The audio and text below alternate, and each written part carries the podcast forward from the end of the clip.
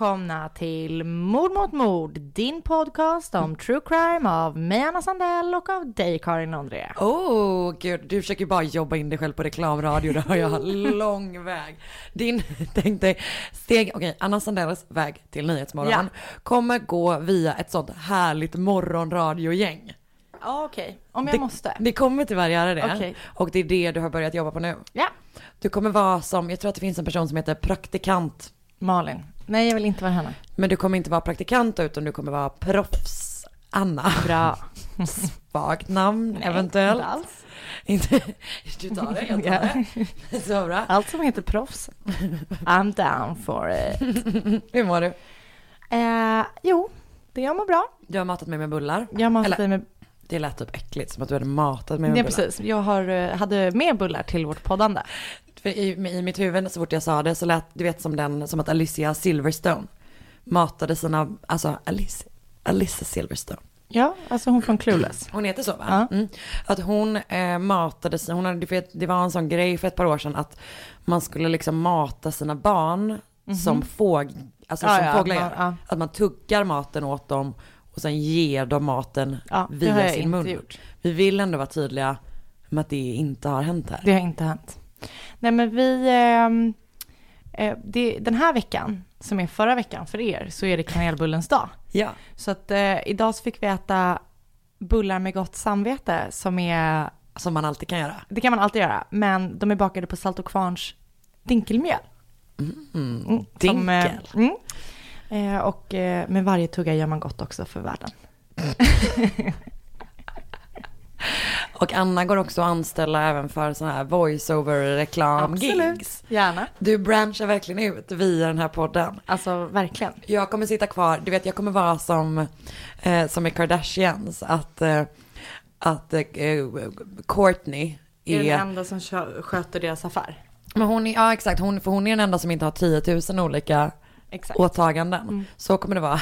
Nej, så kommer det inte vara här. Du kommer vara runt och göra olika reklamgig, klippa bandet till olika mjölfabriker och sånt. Hoppas det. Du är en sån person som redan har inhandlat din stora, stora sax. Alltså absolut, haft den länge. Man kan kalla ut dig till en invigning med väldigt kort notice. Gud vad du tog det här skämtet alldeles för långt. Eller tog jag det lagom långt för nu, jag hör ju dem börja ringa. Var det du som var den stora saxen och den fina rösten? Jajamän. Och det var det. Mm. Så bra. Så goda bullar. Ja, de var goda. Mm, det var faktiskt bra. Jag blev väldigt glad. Mm. Visste inte om att det var kanelbullens dag. Nej, Så jag blev ännu gladare. Men det är ju fantastiskt. Eller jag, man behöver ju inte en dag för att äta bullar, man kan äta bullar hela Men man, tiden. på kanelbullens dag, man får alltid äta hur många kanelbullar man vill. Men alltså det är ingen som kommer tycka att det är konstigt om man äter tio bullar på kanelbullens dag. Just det. Eller ett par dagar innan. Nej. Mm, bra. Eh, ja, det här är då som ni hör en eh, podcast där vi pratar om true crime. Ja. Ehm, så är det med det. Du, du sa innan att du har börjat lyssna på Case Files senaste avsnitt. Ja men det är inte det senaste, utan det senaste är, det här var något jag bläddrade tillbaka till. Jag vet, men det som de släpper nu. Jaha, Toybox Killer. Alltså, Ja, det. de gör ju en serie nu, jag tror det ska vara tre delar, de har just släppt det andra. Mm. Det lyssnade jag på på vägen hem från jobbet idag. Det fallet, Jag vet. Det, jag har typ funderat på att göra det och sen varit så här, alltså i här och Mm. bara varit så här, jag kan inte. Nej, Alltså det går inte. det är väldigt obehagligt. för vidrigt. Så om man vill lyssna på något som är typ det vidrigaste jag vet, så kan man lyssna på Case Files senaste avsnitt. Exakt. För att det är, alltså det är en person Väldigt som, obehagligt. det är liksom, det är ett criminal minds avsnitt. Mm. Det är en person som kidnappar eh, kvinnor eh, an- tillsammans med sin flickvän eller whatever det är. Och eh, låser fast dem och torterar dem sexuellt Mm.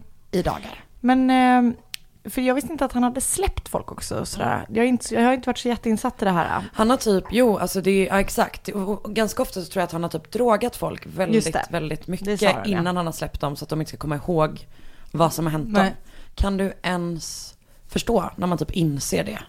Det är så mörkt. Det är skithemskt. Men det var ett väldigt bra avsnitt. Jag älskar ju Case File. Ah, ja, nej det är så bra. Mm. Det är typ min, det är nästan den enda sån, eh, eller ja, min favorite murder förstås men det är en helt annan grej. Det, men i övrigt så är Case File min enda sån podd som jag lyssnar på som täcker ett fall i veckan. Hela ja. Du vet. Mm. För att annars är jag typ, jag vet inte, jag har någon slags dipp Mm. lite grann. Det är okej. Jag har precis lyssnat färdigt på Escaping Nexium också. Som var otroligt bra. Visst var den det? Otroligt bra. Alltså den var verkligen, verkligen otroligt bra. Eh, förra veckan började jag ju lyssna på boken eh, 11 år i fångenskap av Michelle Knight. Just det. Som ju handlar, det är hon som blev kidnappad av Ariel Castro som Mm. du har berättat om. Och hon är den första som man tar. Och den historien, jag var tvungen att stänga av. Mm. Det var så jävla jävla mörkt. Det är ju tyvärr så med sådana berättelser. Ja, och sen var ju hela hennes liv hade varit så jävla överjävligt Mm. redan innan. Alltså han tog henne, hon födde ett barn typ, som hennes så här, hennes mammas snubbe bröt armen på. Mm. Eh, och hon, så hon förlorade honom och försökte bara, bara få tillbaka honom, du vet fixa en egen lägenhet så hon skulle slippa bo i det här vidriga hemmet Ja. och du vet så här. Och han, Ariel Castro tar henne när hon i panik letar efter en adress Mm. eh, där hon ska gå på möte för Ja, att försöka tillbaka minns. sin ja, eh, Det är son. så jävla hemskt. Ah, det är Eh, sånt totalt jävla mörker. Men det känns tyvärr som att det är så att många som redan har det tufft blir, får det ännu tuffare. För att det, man är, exakt man är sån, man är utsatt. Alltså det är, hon säger ju typ så här, hon bara, det var ingen som letade efter mig när jag försvann. Och bara den grejen, Exakt. det, det fick, jag fick också ångest av det, det kom en nyhet, alltså nu är det här en gammal nyhet när vi släpper det här, men om mannen som satt fast i en hiss Alltså, i en hel helg. Jävlar. Det var inte kul alls att var- se. Nej men alltså, Okej. nej men det var verkligen. Eh, jag hade ju eh, grav klaustrofobi under ett år när Ja. jag var typ sju. Ja. Så jag, jag kunde inte åka hiss. Fanns det något som triggade det? Jag, blev liksom, jag och mamma blev inlåsta i vårt garage. Och det, vi kanske var där inne i tre minuter typ. Alltså Ja. det var inte länge. Och Men vi kom ändå- ut. Men alltså, kanske var lite längre tid. Jag vet inte hur länge det var. Nej. Alltså jag var så liten, jag minns inte. Men det triggade, det var också i samma veva som mina föräldrar skilde sig. Och då vi du skulle började få för dig att alla skulle bli mördade och sånt? Typ, exakt. Ja. Eh, så att under ett helt år så kunde jag inte åka hiss. Jag kunde inte gå på bio. Jag slutade på vår teater som hade en källarlokal här i Stockholm. Eh, liksom allt. Så att när jag läste Ah. det där så kände jag bara så här. Jag, kommer all, jag, åker, jag åker inte offentliga hissar, alltså typ så en tunnelbana eller så skulle jag inte åka. Vad finns det för icke-offentliga hissar? Nej, men- Nu låter det som att du bor i ett slott. Så jag åker bara mina egna. Eh, nej men jag menar, alltså så hissar som känns som så här, här skulle det kunna hända någonting. Mm, och det är en helt säkert helt irrationellt, men typ, jag kanske skulle åka hiss på NK till exempel. Som känns som ett trevligt varuhus där det liksom känns som de har koll på att en hiss stannar. Åker du hiss här? Mm. Här hemma åker jag hiss, för det är också en sån hiss som man kan, det är en sån gammal hiss som man kan öppna inifrån. Just det. Eh, skulle inte åka hiss på typ Fridhemsplans tunnelbana, någon tunnelbanestation. Men det, för mig handlar det mer om att jag tycker att de hissarna känns så jävla äckliga. Ja, de är nedkissade och sådär också. Men det, jag tror att det är det det handlar om också. Att det känns ett som att de är, har dålig koll. Ja. Två som att om man fastnar där, då kommer man må riktigt illa för att det luktar skit. Mm. Och liksom folk Mm. har kissat och kräkts. Och, Mm. Så att det var inte en kul nyhet Nej, men- för mig. Och det, eh, nej vad tråkigt att det inte var en bra nyhet för dig. Det som gjorde mig ledsen var att, eh, jag fattar inte, var det ingen som märkte att han inte... Var alltså- var han fast? Jag fattar inte ens det. Var var han ens fast? Nej men och typ bara det att det kändes så himla deppigt om han var helt ensam och ingen väntade på att han skulle så komma. hemskt. Och han hade inte druckit någonting på en hel helg. Och Nej. alltså inte ätit någonting och var typ helt uttorkad. Och, eh, Nej det var så hemskt. är så jävla Och mörkt. jag är verkligen inte det minsta klaustrofobisk. Nej. Stäng in mig i en garderob, jag löser det. Tyvärr så märker jag att mina red, redan li, så små, små fobier utvecklas med åldern lite. Så att jag måste Berätta. sätta lite stopp på det. Nej men jag börjar liksom börjat märka det. Så det börjar bli dags att ta tag i det. Vad har du för fobi? Börjar utveckla eh, bak, alltså, vad heter det, basilskräck. Har aldrig haft problem med det innan. Nej. Tycker det är äckligt att ta i saker nu och sådär. Helt, men jag tror att det kanske hänger ihop med stress och sådär. Mm. Man kanaliserar allt utåt och allt man kan kontrollera försöker man kontrollera. Mm. Andras basiller och sånt också. Ja. Så att, eh, ja. Så att under eh, det kommande året så kommer vi få, vi kommer ett inslag i podden där vi kollar hur det går med Annas fobier. Ja. Men jag, ehm, jag känner mig alltid så otroligt ointressant. För att när jag typ inte så här kommer på att jag har några fobier. Det är väl fantastiskt? Jag vet, men varför pågår det ingenting in i mitt huvud? I mitt huvud, om man skär upp mitt huvud så sitter det en hamster och spelar cello där inne. Du, är, du är, har allt under kontroll. Gud, intressant. Men jag hade ju en period när jag, när jag och min kille började eh, ses, när jag beskrev mig själv som grund och glad. Det är väldigt mörkt. Den bästa, den, bästa beskrivningen Men en också så jävla mörkt eller?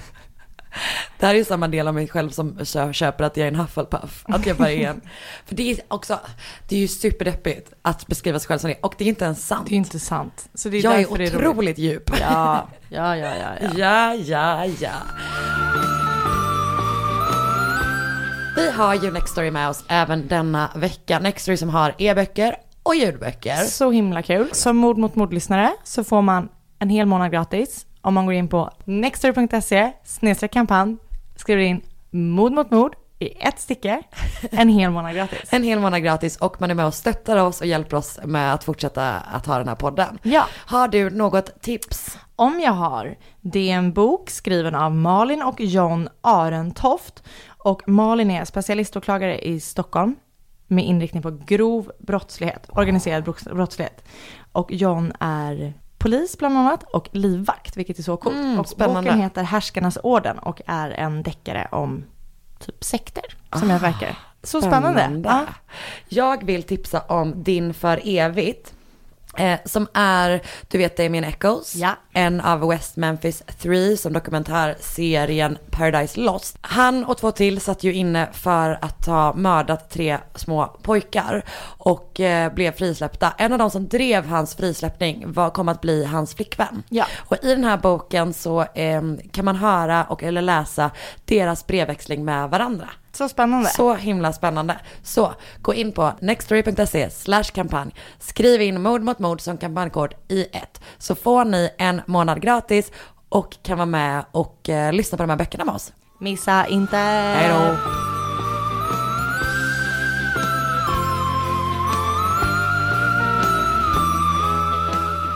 It's time to go to Asia. Jag skojar med dig om det häromdagen. Att du Ja. gör så himla många asiatiska fall. Att Ja. du är våran Asienkorre. Jajamän. Mm, jag tycker det är väldigt bra. För närmare bestämt ska vi till Indonesien. Mm, mm. Det har vi inte. Det har du inte gjort innan. Det har jag inte gjort innan. I Indonesien så är det vanligt, verkar det som, att uppsöka sådana mystiska läkare eller så kallade sorcerers. Eh, det är liksom ett sätt att leva på, att man lever efter det övernaturliga. Och många besöker eh, människor som säger att de har övernaturliga krafter för att be om råd och liksom få tur i kärlek och typ sådär. Och en man vid namn Ahmad Suraji som var en omtyckt man som födde upp boskap och som också höll på med häxkonster. Det är den här, honom den här historien kommer handla om. Mm. Ahmad Suraji var känd inte bara för att vara en trevlig granne utan också för att ge eh, bra vägledning och råd i ämnen som kärlek, ekonomi och hälsa. Så det var många som kom hem just till honom för att få hjälp med alla sådana där saker. Men eh, tyvärr då så fick de inte hjälp utan de kom aldrig hem istället. Så- Boom, boom, boom, boom. Verkligen. Med Hedvigs hemförsäkring är du skyddad från golv till tak oavsett om det gäller större skador eller mindre olyckor. Digital försäkring med personlig service, smidig hjälp och alltid utan bindningstid. Skaffa Hedvig så hjälper vi dig att säga upp din gamla försäkring. Hedvig hemförsäkring, ett klick bort. Aj, aj, aj, det kluckar i rören. Men det är väl inget att bry sig om? Jo, då är det dags för de gröna bilarna. Spolarna behöver göra sitt jobb. Spolarna är lösningen. Ah, hör du? Nej, just det. Det har slutat. För under 11 år dödade Ahmed Suraji 42 kvinnor. Han stoppades 1997 efter att polisen hittade kropparna i närheten av hans hem i utkanten av Medan, som är huvudstaden i norra Sumatra. Men vi börjar från början som vanligt. Wow! Aha. 42? 42. 11 år. Kanske fler, men 42 vet man. För allting började 1986 när Ahmed var 36 år gammal. Eh, för då påstår han att han träffade sin pappa som var död i en uppenbarelse. I uppenbarelsen sa pappan till Ahmed att han skulle utöka, sina, utöka och stärka sina okulta krafter. Och sättet att göra det på var genom att döda 70 kvinnor i svart magi ritualer. Vilken eh, pissig pappa. Så pissig pappa. Men sagt och gjort så agerade Ahmed Suraji på det här. Och som jag nämnde då så var han redan en ganska populär eh, sorcerer. Så han hade börjat den businessen innan han började mörda? Innan. Okej. Han visste liksom att han hade över, övernaturliga krafter. Så det var inte så svårt för honom att hitta offer. Att, eh, liksom, som skulle hjälpa honom att ja, Uppnå få, det här. uppnå det här målet. Mm, man bara, med hjälp av gammalt hederligt kvinnohat. Exakt. Ja. För det var ju också då ofta kvinnor som kom hem till honom för att köpa kärleksamuletter och liksom sådana saker som skulle hjälpa dem i kärlek. Och eh, alla mord som han begick följde samma eh, mönster som är detta, semikolon, kolon, tankestreck. Eh, Tankstreck. tankstreck. Inte tankestreck. Nej. Ja, man har ju inte gått journalistik som vissa andra i det här Jag rummet. inte jag heller. jag är totalt outbildad. Okej, ja, vissa har inte jobbat med, eh, Tankstreck. vi- vissa har inte jobbat med varken tankstreck eller journalistik. Så att man är bara en vanlig hederlig människa med svag dyslexi. Din, den uttrycker sig bara i svag kommatering. Mm, till exempel. Typ. Ja, kör. Mm. För den följde detta mönster, kolon.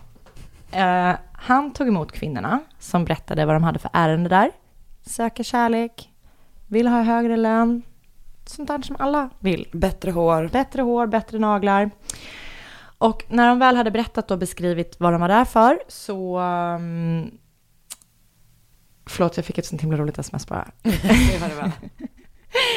En kompis till mig, hon var med, hon har startat ett företag och hon var med på ett omslag på en tidning idag som jag såg.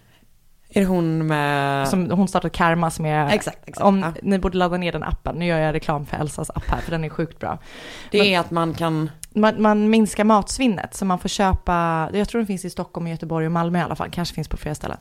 Ehm, Man får köpa restaurang. restaurangmat för typ halva priset i slutet på dagen som inte har blivit stolt, sålt istället för att de ska slänga det. Så bra ju. Bra tips. Men hon var i alla fall med på omslaget på en tidning eh, där, de hade, där hon hade så här dill som örhängen och en broccoli som klocka. Så jag tog att skicka den till henne idag och nu svarade hon bara de jävlarna. Okej, vad hemskt. Väldigt roligt. Hon, är, hon var väldigt snygg på bilden ändå. Hon, Ja. hon klär i block, broccoli. Kul. Goals. Eh, tillbaka till det här lite mer allvarliga Ja, ämnet. då. förlåt. så när de hade berättat då eh, vad de var där för, kvinnorna hade sagt så här, jag vill ha hjälp med kärlek. Så sa Mm. hon så här, du ska ha den här kärleksamuletten.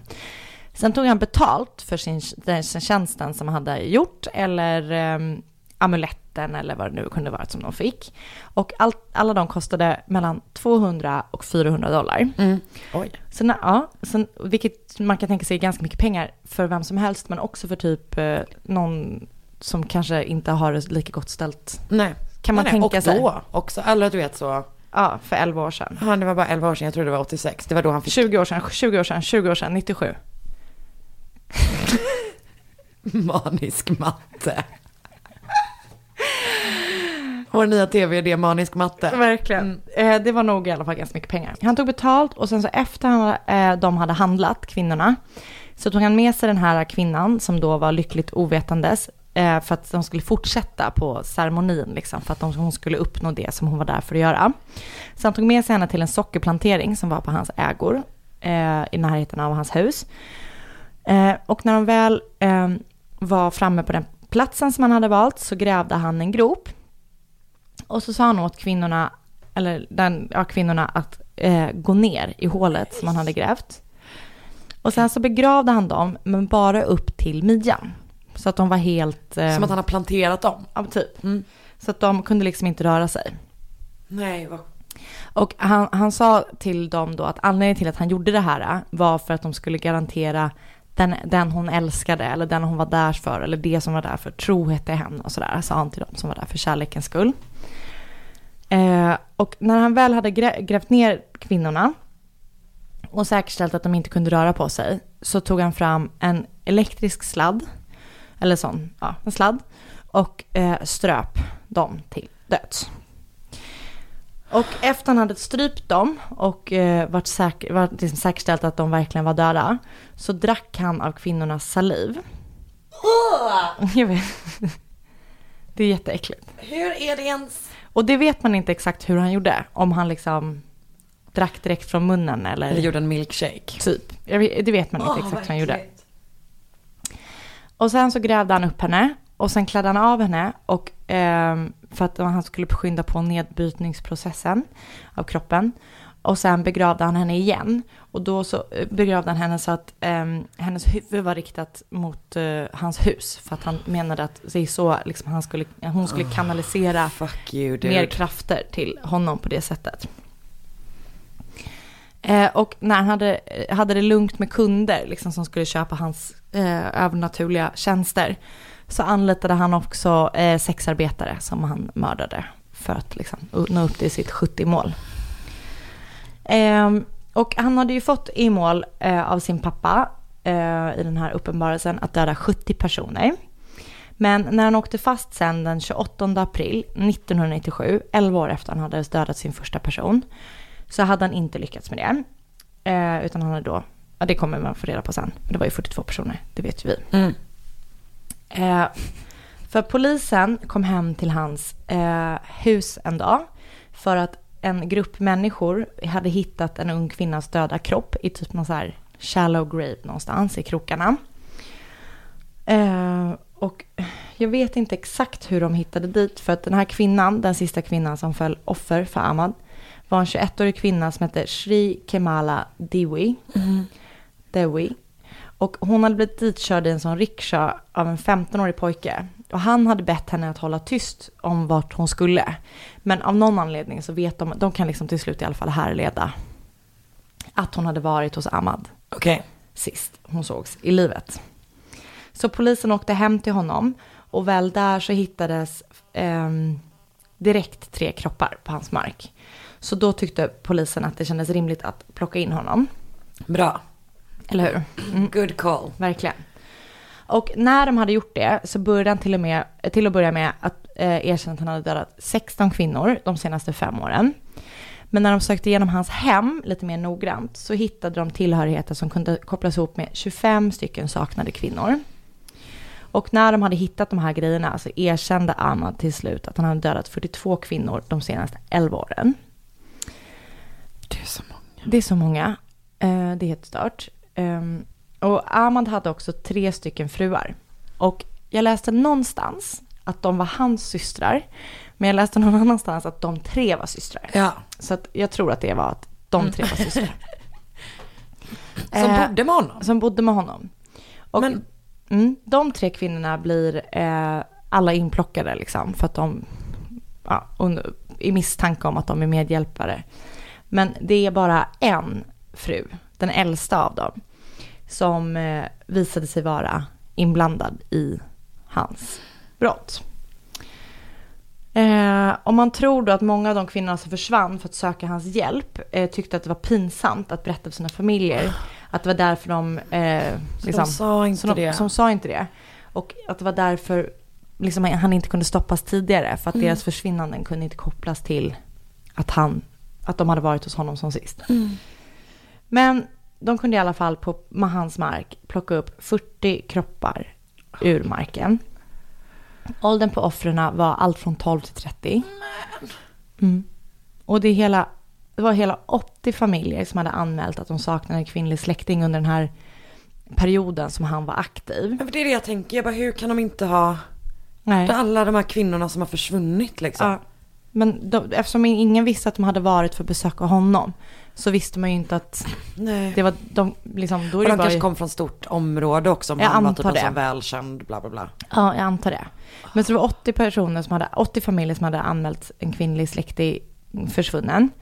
Eh, men eh, de kunde inte bevisa det för de hittade inga kroppar och sådär. Så att de blev åtalade för 42 mord. Eh, Ahmed och hans fru då, Tumini. Vet man vad hennes roll i det var? Nej. Nej.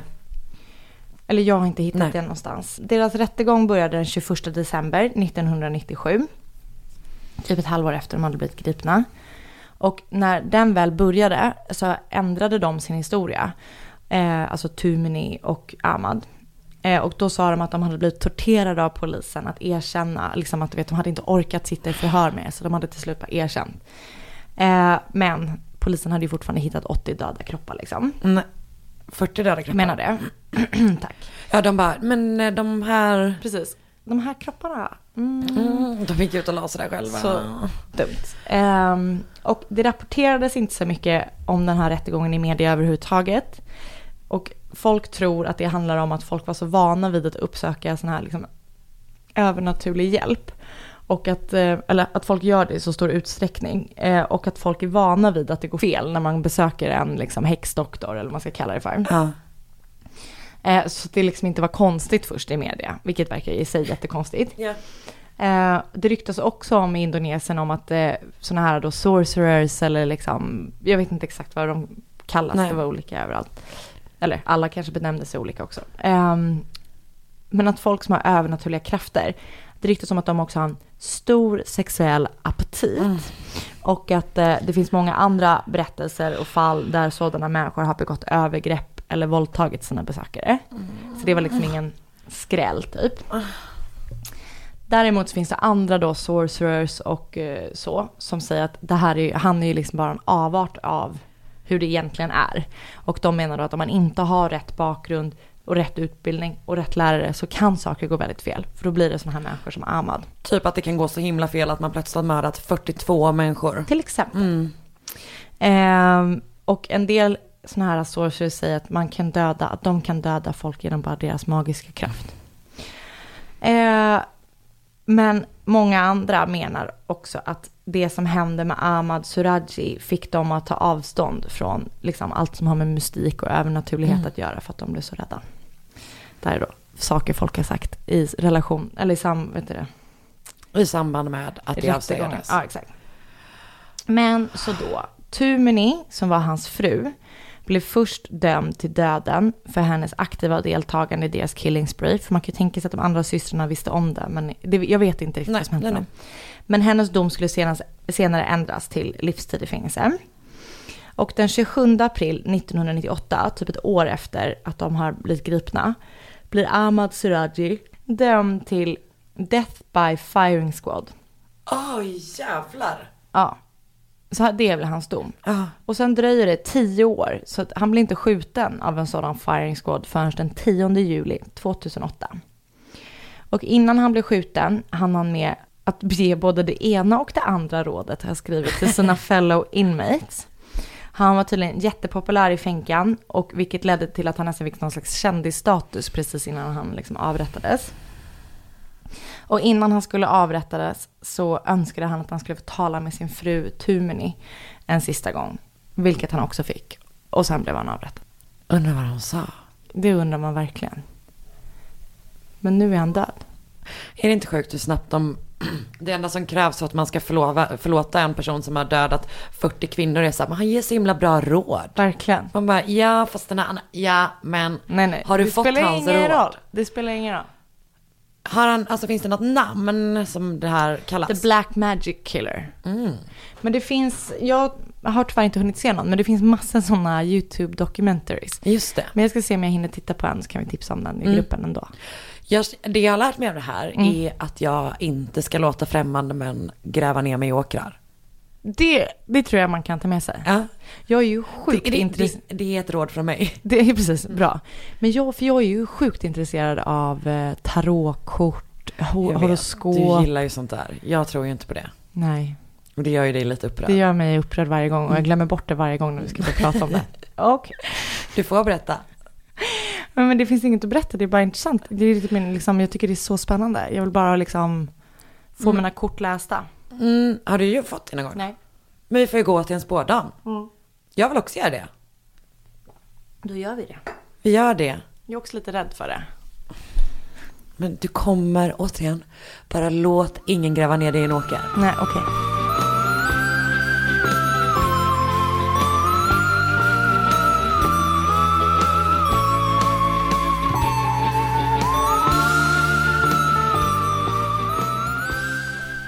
All right. All rise. Var det den? Den blue-låten? du på? Ja. All rise.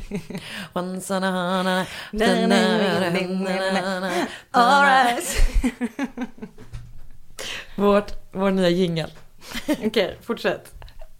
På låten eller på mitt manus? På ditt manus. Du har inte ens börjat, men börja. Den 15 april 2016. Mm, nyligen. Väldigt. I Spalding, 20 mil norr om London, gör sig polisen redo för att ta sig in i ett hus. I huset bor 49-åriga Elizabeth Edwards tillsammans med sina två döttrar Katie, 13 år, och Kim, 14 år. Polisen är där eftersom eh, Kim och hennes pojkvän har inte kommit till skolan. Och det har heller inte Katie, har inte heller, alltså systern, har inte heller kommit till skolan. Så när eh, polisen typ börjar så kolla lite grann vad som, kan, vad som kan, kan ha hänt så ringer de till Elisabeths arbetsplats och inser att hon inte heller har Okej. varit i, på sitt jobb. Hon jobbar som vad vi i Göteborg kallar för bambatant. Okej. Och är tydligen alltså så här, super, super populär. Det finns bilder när hon spexar i köket typ. Man tror först, alltså när Kim och hennes pojkvän som heter Lucas eh, inte dyker upp så tror man först att de har rymt hemifrån. För det har de gjort tidigare. Det är hans moster som eh, anmäler honom som saknad först liksom. Eh, men när man då inser att även resten av familjen är borta börjar man bli väldigt fundersam. Och Ja, det är liksom därför, det, är så här, det har gått några dagar men det är därför man inte har gått in i huset tidigare. Så, de tar sig in eh, i huset via ett vardagsrumsfönster. När de kommer in hittar de Kim och Lukas under ett täcke på en madrass i vardagsrummet. De är levande. Okej. När de frågar eh, polisen bara, var är din mamma och din syster? Och då svarar Kim upstairs. Och när de frågar vad som hänt med dem svarar Lukas, why don't you go and look for yourself? Nej. Så. Det man, man har ju gått in i det här huset för att man tror att, några, att det är saknade personer. Det man hittar nu är så grovt. För i det ena sovrummet så ligger Elisabeth död i sin säng. Mm. Och det är liksom blod överallt. Oh. I det andra sovrummet som Kim och Katie delar ligger Katie död i sin säng. De har blivit knivhuggna upprepade gånger och kvävts med kudde.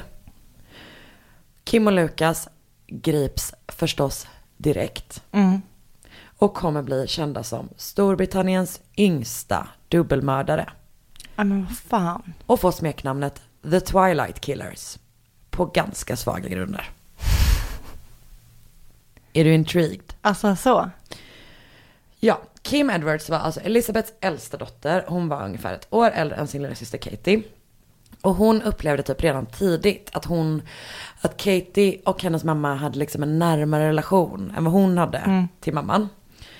De två var tydligen så här supernära varandra, att de är så här two peas in a pod, lite grann så det är konstigt, du vet när man är så här, my mom's my best friend.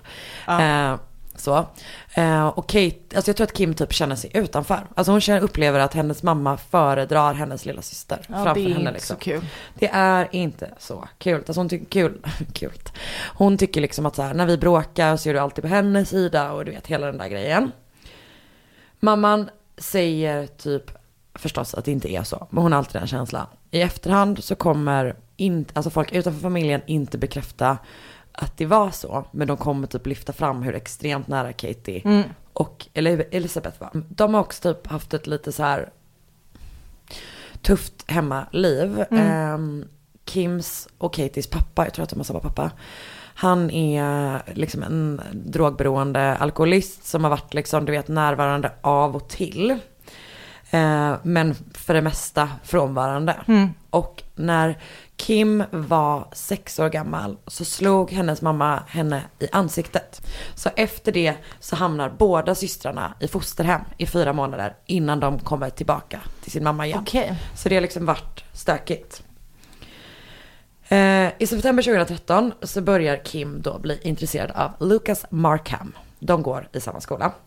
Hon blir intresserad av honom efter att han har slängt en stol på en engelska lektion. Och sen börjar de typ prata. Ja, jag vet. Det är verkligen inte det man själv går igång på. Nej. Och sen har de typ börjat prata på något sånt, om det är något sånt eh, NO, en NO-lektion eller någonting. Ehm, så att först blir de liksom kompisar. Mm. Men i maj 2015 så bjuder Lukas ut Kim på dejt. Okej. Och Lukas hade haft en tuff, tuff uppväxt. Ehm, hans mamma gick bort i cancer när han var liten. Och innan dess var det ganska, alltså hans föräldrar, hon, hon blev slagen av hans pappa Ah, okej. helt enkelt. De Mm. hade ett, alltså ett, en abusive relation liksom. Han, pappan var alkoholiserad och misshandlade mamman liksom. Usch vad hemskt. Och efter att hennes, hans mamma dog så slussades han då runt mellan typ olika fosterhem.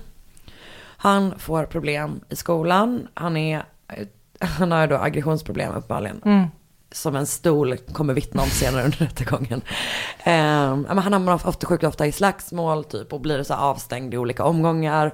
Och han slåss också med sina bröder. Mm. Han, de kommer senare bo, alltså när, hon, när han träffar Kim så har han flyttat in hos sin moster. Mhm. Både han och hans bröder bor där. Och framför, framförallt så slåss han med sin lillebror. Mm. Och de är verkligen så här riktigt våldsamma. Aggressiva som bara killar kan vara. Ja men och inte bara liksom så, du vet, käbbel. Du vet typ brorsor som slåss utan. Utan grövre. Mm. Alltså mostern kommer typ, jag vet inte om det är moster eller faster när jag tänker efter. Men eh, kommer liksom tillkalla både socialen och polisen Ah, i gud. olika lägen typ. Mm. Men hon har typ en känsla av att det är den yngre brodern som är den Ja, stora. bråkig, Alltså, ja. Exakt. Sen att han också är med på det. Men att det är oftast honom som hon är liksom orolig för Mm. typ. Han, alltså den här uppväxten han har haft, vill säga typ bara förlora sin mamma, hans pappa var ett as, in och ut mellan olika fosterhem, alltså det är liksom stökigt som fan. Det har gjort att han typ känner sig så här, men väldigt ensam och liksom avskärmad från Mm. omvärlden. Såklart. Som att han liksom inte kan lita på att någon kommer stanna typ. Mm. Så när han och Kim börjar dejta så blir det alltså en extremt intensiv Ja, relation. de går upp i varandra sådär som bara. ja. Exakt. Och du vet så här, han känner sig utanför sin familj, hon känner sig utanför Mm. sin familj. Det blir en sån jävla clash av de här två känslorna som Mm. är liksom, det blir så all consuming liksom. Mm. Ehm, de har ett väldigt destruktivt förhållande. De båda typ har så här självskadebeteende och pratar väldigt mycket om självmord. Och de är liksom så här tokiga i varandra och hatar alla andra. Folk i deras omgivning tycker inte att det är en superbra idé att de är ihop. För de triggar liksom Nej. varandra. Mm. Hör och häpna. Så både Kims mamma och Lukas familj, Lukas, Lukas moster, försöker då hålla dem isär typ. I oktober 2015 så rymmer Kim och Lukas hemifrån. Mm. Som jag nämnde där i början. Efter att han blev avstängd eh, från skolan, tror jag. På grund av, jo men det blev han. På grund av ja, men liksom våldsamt beteende. Så de tar med sig mat och typ kläder och ett tält Var och rymmer cyklar de? iväg. Alltså typ till en sån här skog nära deras Ah, skola. Mm. Så jävla svagt. Verkligen. Det låter som en typ femåring som rymmer. Ja, En skog ja nära nej, exakt. skolan. Men de är typ borta i flera dagar. Och Ja. grejen är att det som är intressant är att det finns artiklar Mm. om dem från när de rymde. Aha. Alltså så här från liksom Alltså, ja, långt innan typ. Som finns på nätet. Eh, man hittar dem efter fem dagar. Så då har de liksom bara varit i skogen Där, ja, skolan. vad konstigt. Ja, jag vet, verkligen. Och efter det blir ju då Elisabeth förstås ännu mer övertygad om att hon, att Kim inte ska vara ihop med Lukas. Mm. Så då blir hon, alltså deras familjer har ju även tidigare varit typ någon slags fiende och framförallt kanske Elisabeth eftersom Kim då har den här bilden av att hon har valt hennes syster Mm. och du vet hela den grejen. Så de har redan börjat odla något slags hat mot, mot Elisabeth som då förstärks av den här upplevelsen av att Elisabeth är såhär, nej nej ni får inte vara ihop med varandra Mm. mer. Ni har rymt hemifrån, ni var borta skitlänge, hela den grejen. Så de eh, börjar liksom prata om att de ska döda henne. Det är så jävla konstigt. Och han gör det alltså i skolan. I efterhand har liksom kompisar vittnat om, om att så här, om att han sa typ så här, I'm gonna, I'm gonna kill her. I skolan, men ingen tog ju honom på allvar. så- För det, liksom. alltså, det, man kan ju inte tro att det någonsin skulle vara sant. Nej, exakt. Det är ju verkligen den grejen. Och samtidigt som att alla bara, ja alltså han är ju svinläskig. Mm. Det var typ en kompis till honom som vars pappa hade blivit mördad. Mhm. Och han var tydligen helt, alltså Lukas var tydligen helt obsessed vid det här fallet. Typ och pratade med honom hela tiden om, om mordet på hans pappa. Men. Man bara, mm, trevligt, charmigt. Så i mitten av mars 2016, efter att Lukas tvingas byta från deras, de har gått skolan ihop och nu tvingas han typ byta, byta till någon annan skola. Så försöker Kim eh, begå självmord. Mhm. Och tillbringar två dagar på sjukhuset efter det. Och Lucas som ju har den här, men, den här otroliga, mm, ett extremt nära band Ja. liksom. Eh, han får nog ännu mer pannor för att han ska typ så förlora henne. Ja, bli ensam igen. Den grejen. Mm. Så att han är liksom helt obsessed vid att se till att typ så här, hon vill aldrig, hon får aldrig lämna mig. Ja. Utan vi två. Ja. verkligen den grejen. Vi två måste så här alltid vara med varandra och jag måste Mm. bara knyta henne till mig och typ hålla henne fast där Mm. liksom. Ja, hemskt. Hans kompisar kommer typ senare berätta att så här, det var helt uppenbart att han skulle göra vad som helst Mm. för Kim. Alltså för att bara, bara hon ville vara med honom så skulle han göra vad som helst liksom. Den 3 april 2016 byter Kim profilbild på Facebook. Eh, Hon har sina glasögon på sig och ser typ väldigt allvarlig ut och hennes mamma kommenterar Where's your beautiful smile? Vilket också känns så jävla typiskt mammor. Det är verkligen en så morsig kommentar. Ah, ska du inte le? Alltså, Nej, det. det ska jag inte. För jag ser skitkonstig ut när jag Mm. ler. Låt mig. Kim svarar It disappeared. Men, åh. Sex dagar senare, den 9 april, bråkar och Elisabeth Mhm. igen. Då säger mamman till sin dotter så här, du kommer sluta som din pappa. Mhm. Det vill säga som en typ knarkande alkoholist Mm. som är ett jävla as liksom. Och då drar Kim till Lukas för hon blir så jävla jävla arg. Och de två barrikaderar sig i hans sovrum Alltså, i de 24 är timmar. verkligen så jävla störiga det här paret. Alltså panik. De är verkligen Så jävla störiga. så jävla jävla störiga, jag vet. Eh, på söndagen så inser de att hon behöver ta, jag antar att det är alltså p-piller. Ja. Att hon, hon måste ta hem, gå hem till henne och hämta sin, hennes preventinmetod. Eh, så de klättrar då ut genom ett fönster för att ta sig till Kims hus, hämta hennes, för att Alltså, you gotta fuck. Ehm, och när de kommer tillbaka till Lukas hus så tacklas han omkull av sina familjemedlemmar och de håller ner honom och typ hon tvingas hem till sin mamma. ja. När hon kommer hem har hennes mamma tagit alla hennes saker, lagt dem i sopsäckar och gett dem till hennes lilla syster Katie. Åh jävlar. Ja, Vilken provokationsakt. Jag vet, och vet du, en annan grej som stör mig lite grann är att de delar sovrum. Så att var det bara att hon la allting i sopsäckar, flyttade över det. Fan. Eller om hon flyttade ute och sa så här, nu är allt det här Katies. Jag vet inte, men det är liksom, det är vad som hände. Ja. Så det är liksom bara ett bevis att hon bara, ja, jag hade rätt. Hon gillar henne mycket mer. Så. Efter det, typ om det är samma dag eller dagen efter, så bestämmer sig Lucas och Kim för att de ska mörda Elisabeth. Och inte Katie med en gång eller? Alltså, det primära är ju då Det att Elisabeth ska dö. De har lite olika, de kommer senare ange lite olika anledningar till att de var tvungna att också mörda Katie. Bland annat är typ att så här, det var vittnesgrejen. Ja, ja, liksom. ja. Eh, men jag tror också typ att det var någonstans stod, eller hon hade sagt att så här, jag vill inte att hon ska behöva leva med det eller whatever. Mm. Typ. Eh, de står i Kims trädgård när de jobbar ut den här starka planen. Vid midnatt den 11 april, jag tror att det är en måndag, ska Lukas knacka på fönstret eh, till eh, Kim och Katies sovrum. Mm. Och då ska Kim gå till badrummet och släppa in honom den vägen. Han ska ha med sig flera knivar och ett ombyte kläder. Sen ska Lukas mörda Elizabeth. Och Kim ska mörda sin egen syster. Men fan vad hemskt. Men när Lukas har gått, jag tror att det är typ en halvtimme, hem till henne, knackar på rutan på den här måndagen. Då är det ingen som kommer till badrummet. Nej. För Kim har somnat. Men- Vilket också är så här. Hur kan du sova? Du är så, hon är så riktigt tonåring. Alltså skiter i allt. Jag är också så trött som Mm. man bara är när man är tonåring. För dagen efter, de bara, vi kör igen. Och de kollar av med varandra hela tiden. Bara, vill du fortfarande? Ja, jag vill du fortfarande? Mm. Ja, du vet, alltså verkligen så här hela, hela tiden. Så det, dagen efter, den 12 april, knatar Lukas genom samhället, knackar på fönstret, ingen öppnar. Kim har somnat igen. Men gud. Det är ett stört. Jag vet, hur kan man, hur gott sover hon? Vad har hon för madrass? Men också, vad har hon för samvete? Men vad har hon för, ja alltså för det är ju verkligen det. Jag förstod att det var Det det, är en bättre fråga. Att hur, hur fan att man är så här, hur fan kan man gå och lägga sig och sova en god natts sömn när man ska mörda sin, alltså, Alltså jag kan inte ens sova delar- ordentligt när jag har en jobbig dag på jobbet dagen efter. Nej, alltså hon delar sovrum med sin syster, den systern hon har kommit överens med sin kille om att mörda. Tyvärr, eh, onsdagen den 13 april träffas de efter skolan, bekräftar att de vill genomföra planen. Och den här kvällen lyckas Kim tyvärr hålla sig vaken.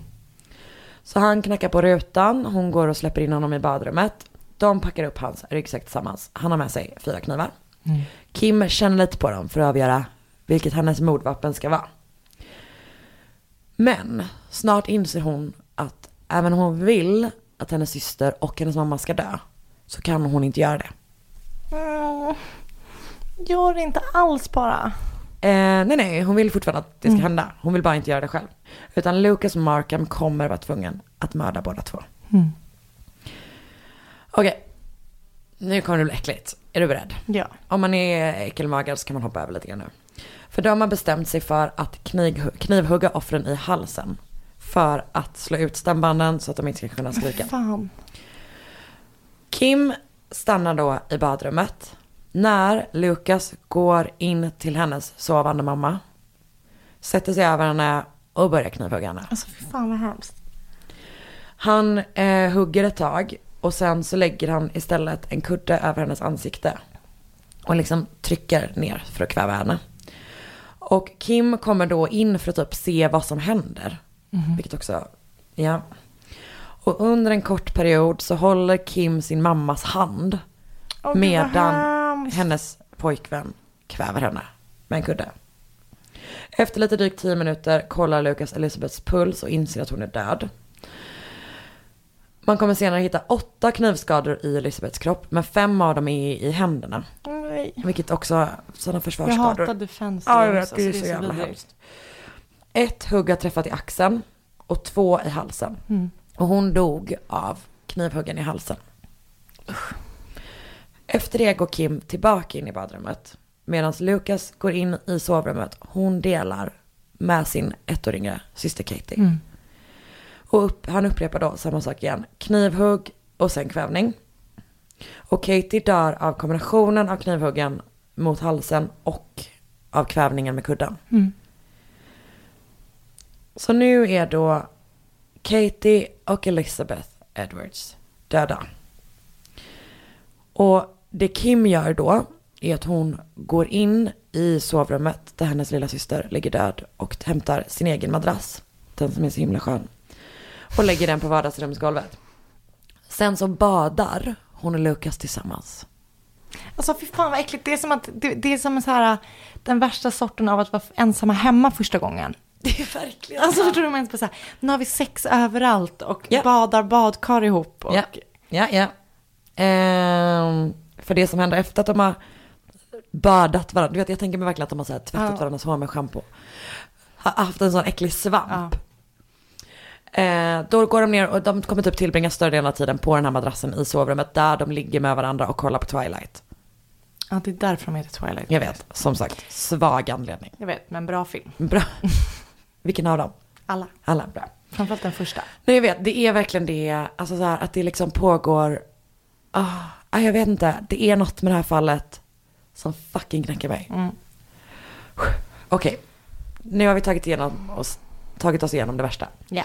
Deras plan är att begå självmord dagen efter med hjälp av medicin och alkohol, men de gör aldrig det. Så som sagt, de har rymt, tidig, rymt hemifrån tidigare så man tror att det är det som hänt när de inte kommer till skolan. Men när polisen då ringer till Elisabeths jobb så får de så bekräfta att hon inte hade kommit dit.